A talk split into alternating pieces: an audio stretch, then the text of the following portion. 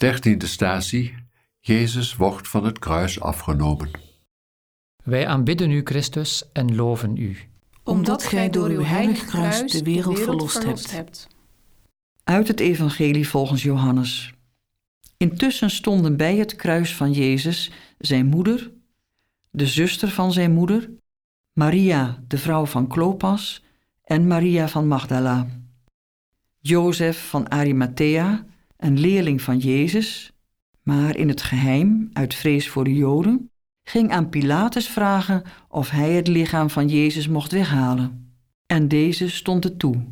Jozef kwam dus het lichaam weghalen. De dode Jezus wordt teruggegeven aan wie van hem houden.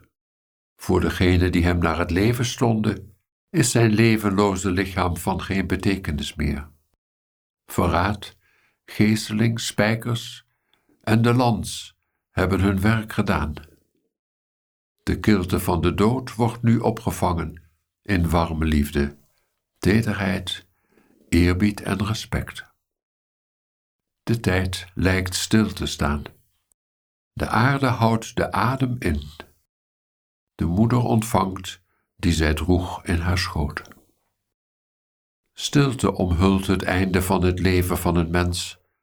Sprakeloosheid blijft. Er zijn geen woorden. Er is geen echte troost. Herinneringen zijn er, verhalen. Woorden die hij sprak worden aangehaald. Gebaren die hij had gesteld worden gedaan tot zijn gedachtenis.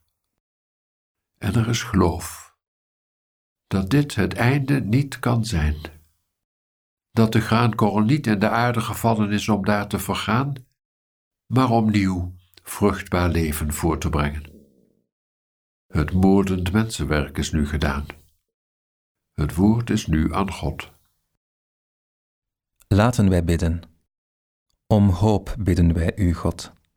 Om hoop dat al het sterven van de wereld niet vergeefs zal zijn, dat alle mensenlevens niet nutteloos geleefd zijn tot het einde. Wij hopen en wij bidden dat u trouw zult zijn aan wie u bent, de levende, de God van levenden, de God van de verrezen Heer, de God van allen die hier leefden voor u aanschijn, de God van ons. Ontferm u over ons, o Heer, ontferm u over ons. God wees ons zondaars genadig.